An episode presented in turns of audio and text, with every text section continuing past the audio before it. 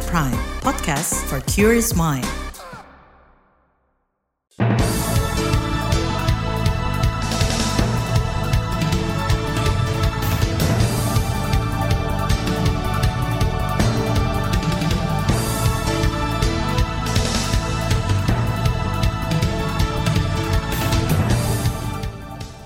Selamat pagi saudara, berjumpa kembali dalam Buletin Pagi Rabu 8 Februari 2023. Saya Naomi Liandra.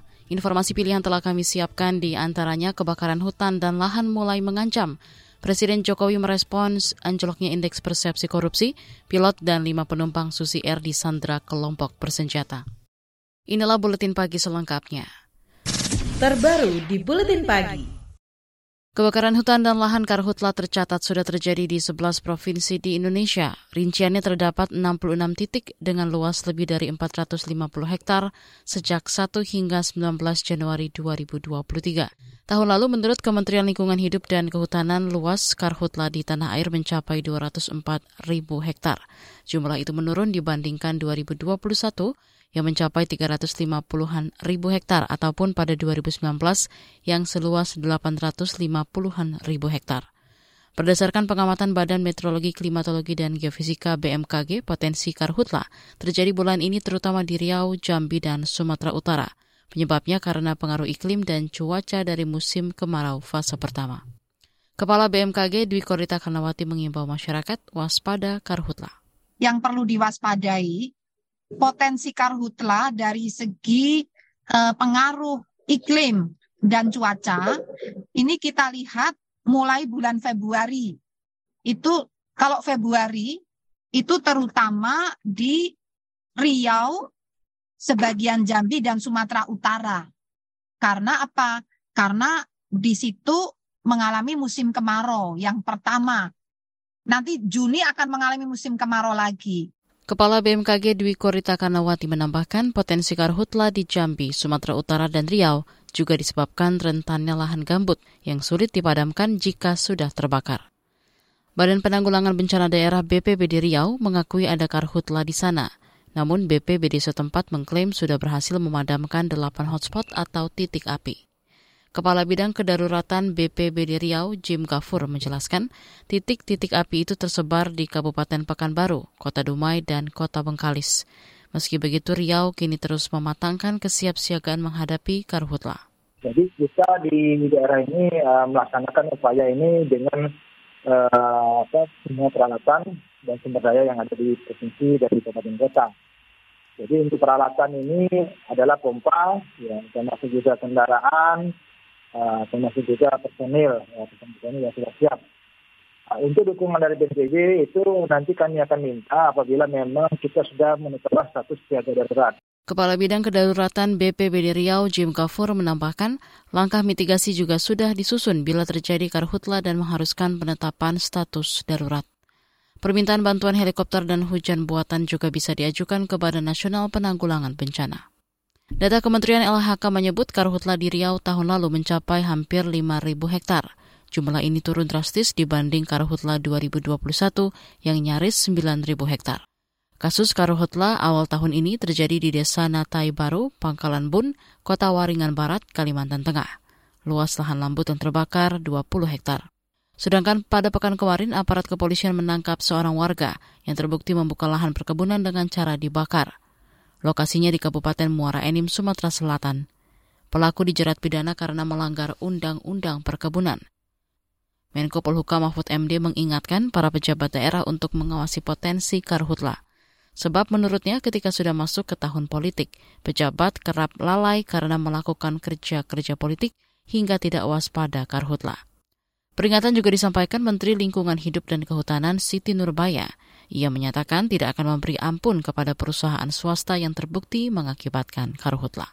Kalau eh, pencegah, kalau kebakaran hutan akibat eh, swasta itu kayaknya nggak ada ampun, sebab begitu ada hotspot aja mereka sudah langsung kita beri warning. Dan eh, cara-cara law enforcement seperti itu ternyata yang paling baik. Jadi kalau kalau terdeteksi kebakaran di lahan swasta pasti kena. Menteri Siti Nurbaya menambahkan pada ranah penegakan hukum kasus karhutla telah dilakukan pengawasan pada perusahaan, sanksi administrasi dan fasilitasi Polri juga jaksa. Kementerian LHK juga sudah meminta semua pihak bersiap menghadapi potensi karhutla di Indonesia.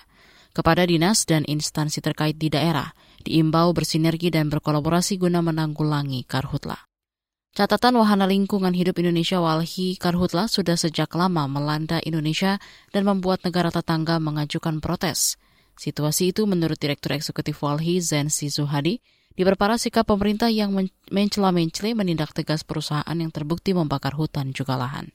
Sudah merekomendasikan satu untuk dilakukan penegakan hukum dan pencabutan izin kepada perusahaan-perusahaan yang telah melakukan uh, pelanggaran hukum dan uh, pengerusakan ekosistem gambut. Dan melalui proses hukum juga uh, denda administratif bisa di uh, sanksi administratif dalam bentuk denda itu uh, bisa dijalankan untuk bagaimana perusahaan-perusahaan tersebut melakukan pemulihan terhadap ekosistem gambut. Wahana Lingkungan Hidup Indonesia Walhi mendesak pemerintah tegas menegakkan hukum dan mencabut izin perusahaan yang terbukti melakukan pembakaran hutan serta lahan. Direktur Eksekutif Walhi Zensi Suhadi menyebut teknologi modifikasi cuaca untuk membasahi gambut dan mengurangi hotspot atau titik api tetap tidak akan efektif memadamkan karhutla. Pemerintah menanggapi anjloknya indeks persepsi korupsi. Informasinya hadir sesaat lagi. Tetaplah di Buletin Pagi KBR. You're listening to KBR Pride, podcast for curious mind. Enjoy!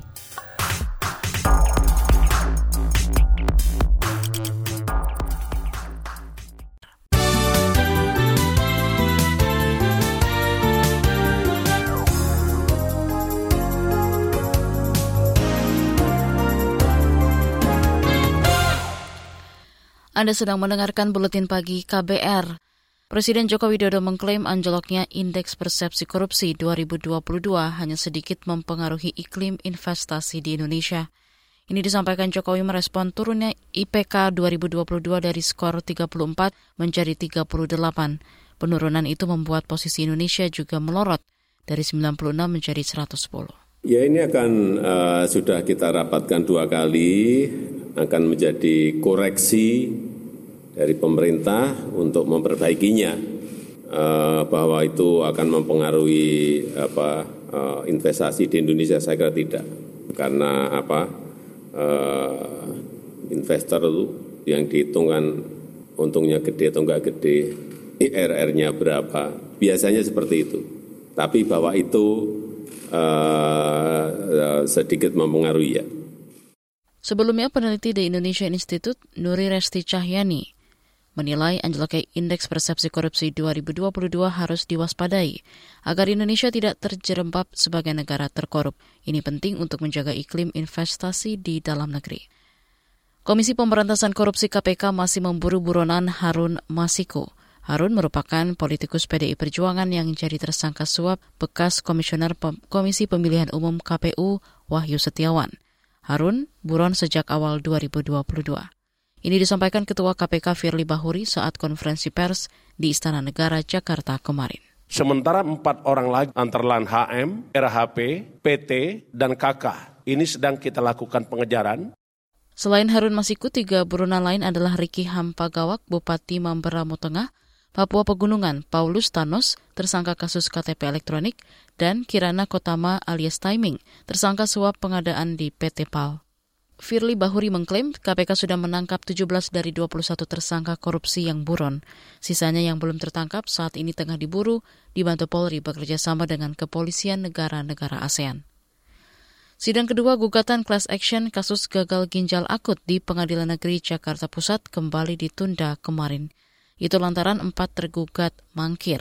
Kuasa hukum penggugat Julius Ibrani menyebut tidak ada itikat baik dari tergugat untuk menuntaskan kasus. Padahal pembahasan substansi di persidangan mendesak dilakukan, apalagi ada temuan dua kasus baru balita gagal ginjal akut di Jakarta. Persidangan kami tujukan untuk menjadi ruang membuka informasi peristiwa secara benar dan secara jujur. Karena ruang itu yang disembunyikan oleh pemerintah, Kemenkes dan BPOM, itu kebohongan yang tidak boleh dibiarkan terjadi. Jadi ketika di persidangan segala bentuk ucapan dan segala macam di hadapan persidangan itu harus menjadi bukti dan ada konsekuensi hukumnya baik dari Kemenkes ataupun BPOM termasuk pihak swasta yang terlibat. Kami mengharapkan majelis hakim berpihak pada kebenaran Perwakilan tim advokasi untuk kemanusiaan Julius Ibrani mendorong Presiden Joko Widodo memecat Menteri Kesehatan dan Kepala BPOM. Sidang gugatan class action gagal ginjal akut ditunda lagi 28 Februari mendatang. Bila tergugat tidak hadir, maka langsung digelar sidang pokok perkara. Beralih ke informasi ekonomi, Wakil Presiden Maruf Amin menyebut pemerintah telah mengupayakan stabilisasi harga beras termasuk dengan cara impor. Maruf mengakui ketersediaan stok pangan hingga faktor eksternal menjadi penyebab kenaikan harga beras. Saya kira sudah disalurkan ke berbagai daerah termasuk ke Jawa Timur itu sudah mulai untuk menekan harga itu. Dan boleh jadi juga memang ada kenaikan yang dipicu karena menjelang uh, bulan puasa. Ini biasanya memang ada sementara naik. Begitu juga minyak goreng. Ini pemerintah sekarang sedang melakukan operasi ya untuk kembali supaya uh, minyak goreng yang untuk distribusi rakyat itu tetap tidak terganggu. Wakil Presiden Maruf Amin menambahkan pemerintah akan menginvestigasi penyebab kenaikan harga beras dan minyak goreng. Maruf memastikan produksi minyak goreng subsidi masih dipatuhi produsen. Selain itu, pemerintah juga akan terus memantau jalur distribusi guna memastikan penyaluran minyak goreng subsidi ke setiap daerah. Kita ke kabar gempa di Turki. Sepuluh warga negara Indonesia WNI menjadi korban gempa di Turki. Juri bicara Kementerian Luar Negeri Teuku Faizasyah mengatakan, dari jumlah tersebut, empat orang sudah dirawat di rumah sakit di Ankara. Enam lainnya bakal segera dirujuk ke rumah sakit. Empat tim KBRI Ankara sedang menuju lokasi gempa untuk mengevakuasi 104 WNI dari lima titik Gaziantep, Kahraman Maras, Adana, Hate, dan Diyarbakir. Mereka akan dievakuasi ke Ankara. Juri bicara Kementerian Luar Negeri Teuku Faiza Syah menambahkan, hingga kemarin belum ada laporan WNI yang menjadi korban gempa di Suriah. Sebelumnya, gempa dahsyat bermagnitudo 7,7 mengguncang sejumlah wilayah di Turki dan Suriah pada Senin lalu. Sudah lebih dari 4.300 orang meninggal akibat gempa tersebut. Kemarin, pemerintah Indonesia siap mengirim bantuan kemanusiaan untuk korban gempa Turkiye dan Suriah. Beralih ke informasi olahraga, Presiden Joko Widodo tidak memasang target muluk-muluk untuk timnas U20 Indonesia yang akan berkompetisi di Piala Dunia U20 2023. Presiden Joko Widodo hanya meminta timnas U20 tampil maksimal saat menjadi tuan rumah ajang dua tahunan itu. Harapan Jokowi disampaikan Menpora Zainuddin Amali. Nantinya ada 14 timnas yang akan berlaga di Piala Dunia U20 2023 di Indonesia. Belasan tim itu antara lain Indonesia, Amerika Serikat, Brazil, Uruguay, Inggris, Perancis, Israel, Italia, dan Slovakia. Upacara pembukaan Piala Dunia U20 dilaksanakan di Stadion Utama GBK Senayan, Jakarta. Turnamen FIFA ini berlangsung 20 Mei hingga 11 Juni 2023. Dari ajang Liga Italia, Juventus menang 3-0 melawan Salernitana dalam pertandingan lanjutan pekan ke-21 Liga Italia di Stadion Areci Salermo dini hari tadi. Gol kemenangan itu masing-masing dilesakan Vlahovic dengan dua gol dan satu gol oleh Filip Kostic. Kemenangan ini membuat Juventus naik ke posisi 10 klasemen sementara, sedangkan Salernita tercacar di peringkat ke-16. Di bagian berikutnya kami hadirkan laporan khas KBR, kiprah dan harapan satu abad NU. NU. Tetaplah di Buletin Pagi KBR. You're listening to KBR Pride, podcast for curious mind. Enjoy!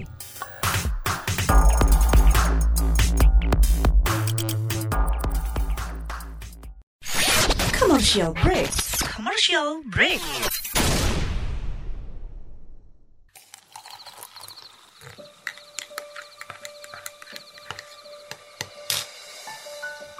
Hai, kamu apa kabar?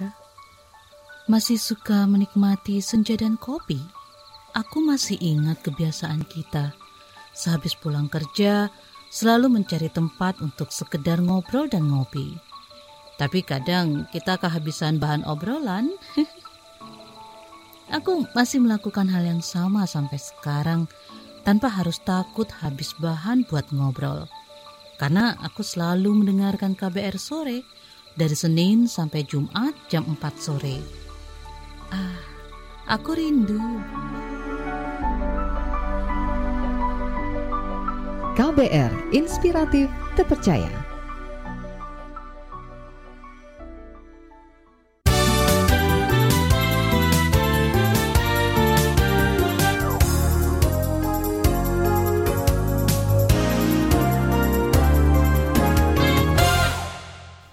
Anda masih bersama kami di Buletin Pagi KBR.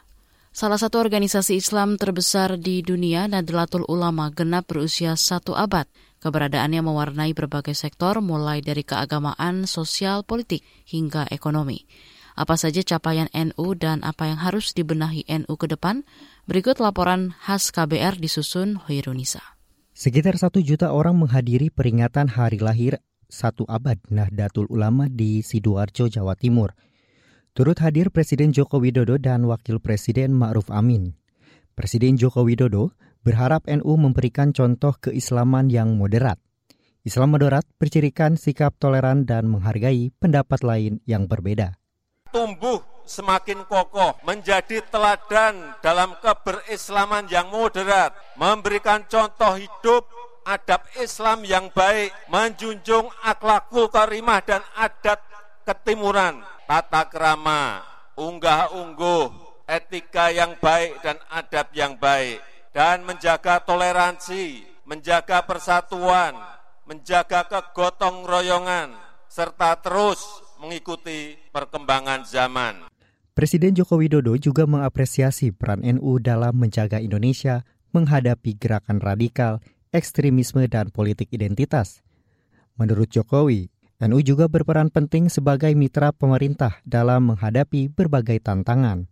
Peran NU dalam memperkuat keberagaman di Indonesia juga dikuatkan pernyataan mustasyar atau penasihat pengurus besar Nahdlatul Ulama, Kiai Haji Ahmad Mustafa Bisri. Ia menyatakan NU menolak tegas aspirasi pendirian negara khilafah. Laisa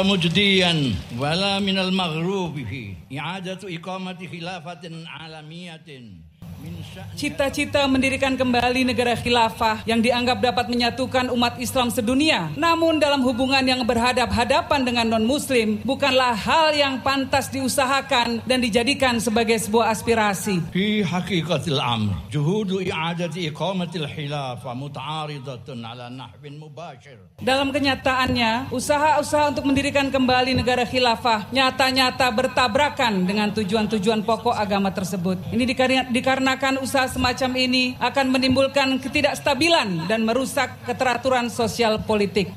Kiai Haji Ahmad Mustafa Bisri yang akrab dipanggil Gusmus menyatakan negara khilafah kerap memicu konflik dan kekerasan yang bisa menimpa masyarakat di berbagai wilayah dunia, terutama dalam hubungan antar muslim dan non-muslim.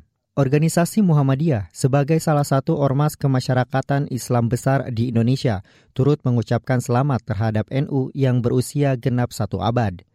Ketua Umum Pengurus Pusat Muhammadiyah, Haidar Nasir berharap NU menjadi pilar keutuhan bangsa terutama menjelang pemilu 2024 yang rawan konflik. Itu kami berharap bahwa jelang 2024 Eh, NU, Muhammadiyah, dan seluruh komponen bangsa yang menjadi kekuatan masyarakat Madaniyah itu menjadi pilar yang kokoh ya menjaga keutuhan dan persatuan bangsa di tengah uh, kerabat keragaman pilihan politik. Ketua Umum PP Muhammadiyah Haidar Nasir mengatakan selama ini NU dan Muhammadiyah sudah lama bersama berjalan dengan ciri khas masing-masing dalam membangun bangsa, terutama di dunia pendidikan. Jika pendidikan NU berkonsentrasi pada pendidikan berbasis pesantren, Muhammadiyah berkonsentrasi membangun pendidikan modern. Berbagai pihak juga mengakui kiprah Nahdlatul Ulama dalam menjaga NKRI. Peneliti Pusat Kajian Agama dan Budaya Universitas Islam Negeri Syarif Hidayatullah, Jakarta, Sukron Kamil mengatakan, NU berperan besar dalam mewujudkan penguatan Islam dengan kemanusiaan, termasuk keadilan gender. Namun Sukron menilai, NU harus mengoptimalkan perannya dalam konteks pendidikan maupun pelayanan kesehatan seperti organisasi Muhammadiyah. Saya kadang sedih masuknya NU ke politik sejak masa reformasi karena diberlakukannya sistem politik demokrasi yang harus berbasis berbasis massa gitu ya. Maka beberapa kementerian kan memang didominasi NU apalagi Kemena gitu ya. Tapi yang menarik hemat saya eh, manfaat sosial dari masuknya NU ke dalam struktur politik uh, orde reformasi itu tidak banyak memberi manfaat itu mohon maaf Sukron Kamil juga berharap NU memperkuat keberadaannya sebagai pilar keutuhan bangsa, terutama di tahun politik 2024. Menurutnya, Keberadaan organisasi NU sangat kuat dalam menarik dukungan pemilih pada pemilu nanti. Laporan ini disusun Hairunisa. Saya Heru Haitami. Informasi dari berbagai daerah akan hadir usai jeda, tetaplah bersama Buletin Pagi KBR. You're listening to KBR Pride, podcast for curious mind. Enjoy!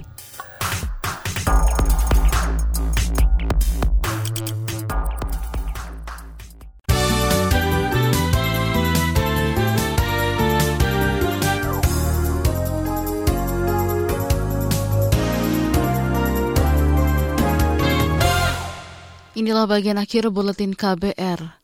Seorang pilot dan lima penumpang pesawat Susi Air disandra kelompok bersenjata di Papua Pegunungan kemarin. Kapolri Listio Sigit Prabowo mengatakan terduga pelaku penyandra adalah kelompok pimpinan Egyanus Kogoya.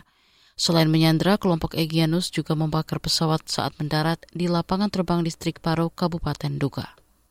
Terkait dengan perkembangan dari pilot dan penumpang yang diamankan oleh KKB saat ini memang sedang dalam pencarian. Kami tim gabungan dari operasi Damai Karten saat ini sedang melakukan operasi pencarian. Untuk hasilnya nanti akan kita informasikan. Itu tadi Kapolri Listio Sigit Prabowo. Sementara itu juru bicara Polda Papua Beni Adi Prabowo mengatakan hasil pelacakan melalui GPS pesawat yang dipiloti warga Selandia Baru tersebut telah bergeser ke dalam hutan. Pesawat subsidi Pemkap Nduga itu berangkat dari Timika membawa lima penumpang. Menurut polisi, lokasi pesawat mendarat tidak dijaga aparat keamanan. Daerah itu wilayah kelompok bersenjata pimpinan Egyanus Kogoya. Gubernur Jawa Barat Ridwan Kamil menilai kenaikan harga beras di wilayahnya tidak masuk akal lantaran Jawa Barat surplus beras. Karena itu ia rutin mengecek untuk mengetahui mengapa harga beras di Jabar naik. Makanya selagi saya teliti, harusnya di Jawa Barat tidak ada kenaikan beras yang signifikan karena kita surplus satu setengah juta ton. Ya. Jadi saya akan cek uh, dan terus saya lakukan itu tiap minggu saya ke pasar ya untuk memastikan Uh, nah, salah satu tindakan dari Pemprov Jawa Barat adalah kita ada dana tidak terduga yang akan dipakai untuk inflasi. Jadi nanti ada dana, misalkan kalau ternyata transportasi yang bikin mahal, kita subsidi transportasi itu dan diarahkan oleh Kemendagri dan kita sudah ada anggaran. Gubernur Ridwan Kamil menambahkan, Jawa Barat mempunyai dana tak terduga yang bisa digunakan menyubsidi harga pangan dan memperlancar distribusi komoditas guna mengendalikan inflasi. Dari pantauan di hargapangan.id per kemarin, harga beras kualitas bawah 1 naik 0,44 persen menjadi 11.350 per kilogram. Sedangkan beras kualitas super 1 di Jawa Barat naik 0,36 persen menjadi 14.050 per kilogram. Pemerintah Kota Solo, Jawa Tengah menunda kenaikan pajak bumi dan bangunan PBB yang sempat diprotes warga. Informasi selengkapnya bersama kontributor KBR Yuda Satriawan. Pemerintah Kota Solo sudah memutuskan nasib kenaikan nilai pajak bumi dan bangunan atau PBB. Wali Kota Solo Gibran Raka Buming Raka mengatakan keputusan yang diambil saat ini adalah menunda kenaikan nilai PBB hingga batas waktu yang tidak ditentukan. Ya, tidak ada kenaikan ya, tiga penak KB, warga tidak perlu panik ya, wes ya.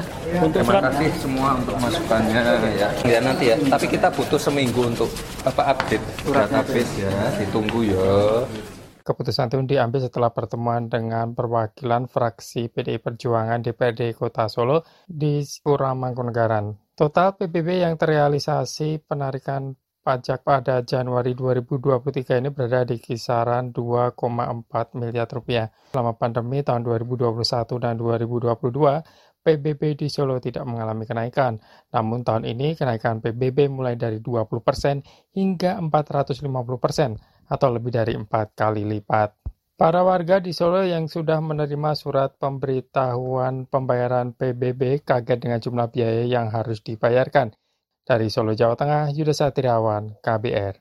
Informasi tadi menutup jumpa kita di Buletin Pagi hari ini. Pantau juga informasi terbaru melalui kabar baru situs kbr.id, Twitter at berita KBR, podcast di kbrprime.id.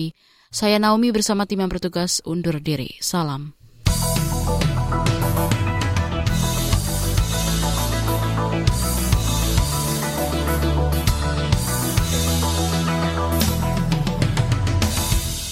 KBR Prime, cara asik mendengar berita. KBR Prime, podcast for curious mind.